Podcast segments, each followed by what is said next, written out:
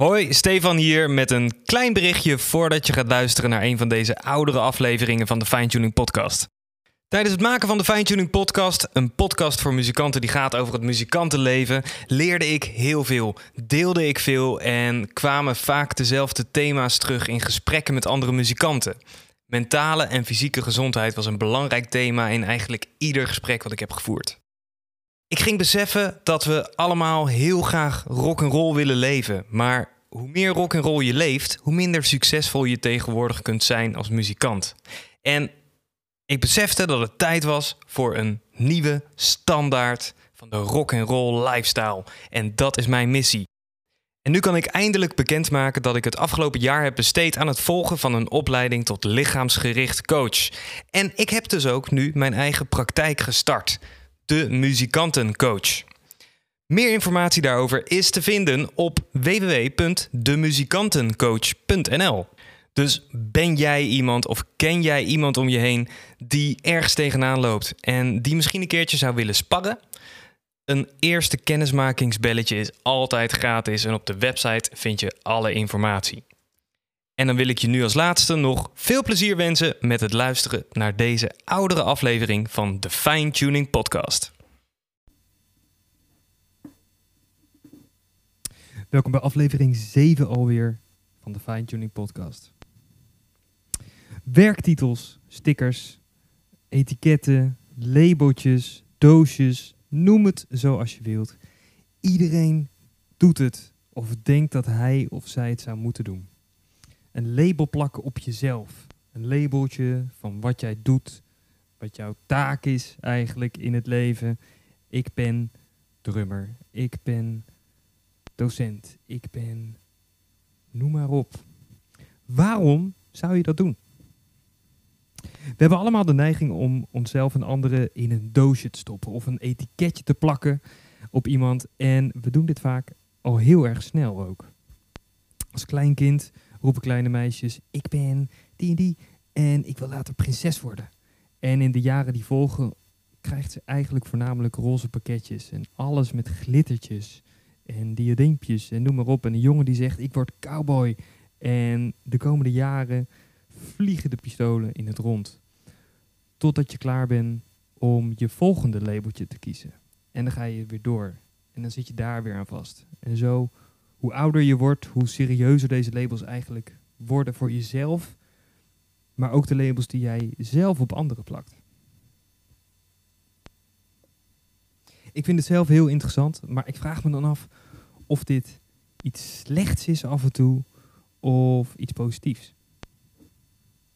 Etiketten zijn duidelijk, labeltjes zijn gemakkelijk en ze werken als een snelle, makkelijke introductie voor jezelf. Als je je, je voorstelt tegenover vreemde mensen, is het gewoon een hele makkelijke manier om te zeggen wie je bent.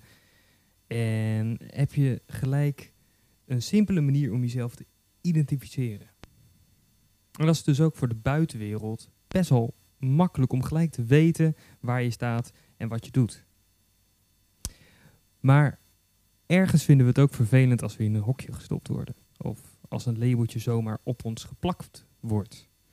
Maar we misbruiken het ook af en toe wanneer het uitkomt en bepaalde clichés die bijvoorbeeld bij je werk uh, horen, als die in één keer kloppen, want dan is het weer makkelijk om het daarop af te schuiven. Labeltjes hebben dus zo zijn voor- en zijn nadelen. Wat ik zelf heel erg merk bij het plakken van labels op mezelf is dat het mij wat meer blind maakt voor de andere dingen die er omheen staan. En ook dat is positief of negatief. Het is maar net hoe je het bekijkt. Maar zodra je een label op je voorhoofd plakt, zal je hoofd voornamelijk productief zijn binnen dat label, merk ik. En dat is natuurlijk ook eigenlijk best wel logisch. En ik zeg daarmee dus niet dat labeltjes of etiketjes plakken op iemand of op jezelf slecht is, of dat dat negatief is. Maar ik zeg wel dat het label uh, beïnvloedt hoe anderen naar jou kijken en hoe je naar jezelf kijkt en welke grenzen je oproept voor jezelf. En welke grenzen je op jezelf legt eigenlijk, kan ik beter zeggen. Maar hoe moeten we dan omgaan met onze labels En de drang om alles in een doosje te stoppen en hoe kunnen we daar meer uit halen. Nou, ik zal mezelf hiervoor als voorbeeld nemen. Ik heb er zelf duidelijk voor gekozen om de label drumleraar te plakken op mezelf. Ik vind drummen echt fantastisch. Uh, begrijp me niet verkeerd, het is een enorme passie. Maar lesgeven en nieuwe manieren bedenken om anderen te helpen begrijpen, uh, anderen te laten groeien en te inspireren, dat is eigenlijk waar echt mijn passie ligt. En momenteel uit ik dus die passie als drumleraar, maar dat zou eventueel ook op andere manieren kunnen. Maar het feit dat ik dat nu doe als drumleraar, uh, maakt dat ik het label drumleraar heel bewust heb gekozen en heel serieus neem. Als ik had gezegd dat ik in de eerste instantie een drummer was, dan had ik me tegenover mezelf ook meer moeten richten op het drummen en dus veel meer drummen moeten oefenen en daar veel meer tijd aan besteden. Terwijl nu ik zeg dat ik drumleraar ben, ik eigenlijk net zoveel tijd steek in het leren over lesgeven en over dingen bedenken, dan aan het oefenen van drums en me verdiepen in drumpartijen bijvoorbeeld.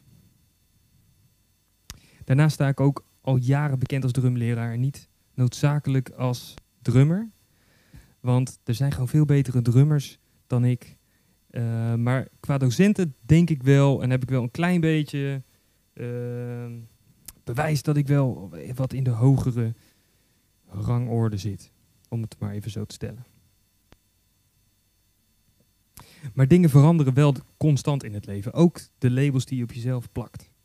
En ik denk dat ik de afgelopen twee jaar ook nog een extra labeltje daaraan toe heb gevoegd voor mezelf. Niet per se hardop, maar wel intern. En dat is toch ook wel een klein beetje het labeltje ondernemer. Ik heb natuurlijk uh, Music uh, ontwikkeld samen met Oscar. En ik heb Tiny Rhythm Box bedacht. En het plakken van het label ondernemer naast drumdocent helpt mij omdat ik daardoor ook nieuwe verantwoordelijkheid voel.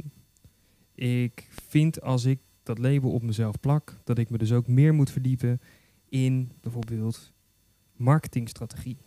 Uh, maar ook film- en fotografiebewerking, uh, social media marketing, überhaupt social media, productontwikkeling, op een milieuvriendelijke manier natuurlijk. En eigenlijk alles een beetje wat er komt kijken bij het ondernemen en het lanceren van een product. Als ik mezelf niet had gezien als een ondernemer, had ik dit ook, dat, dat stukje had ik dan ook minder serieus genomen.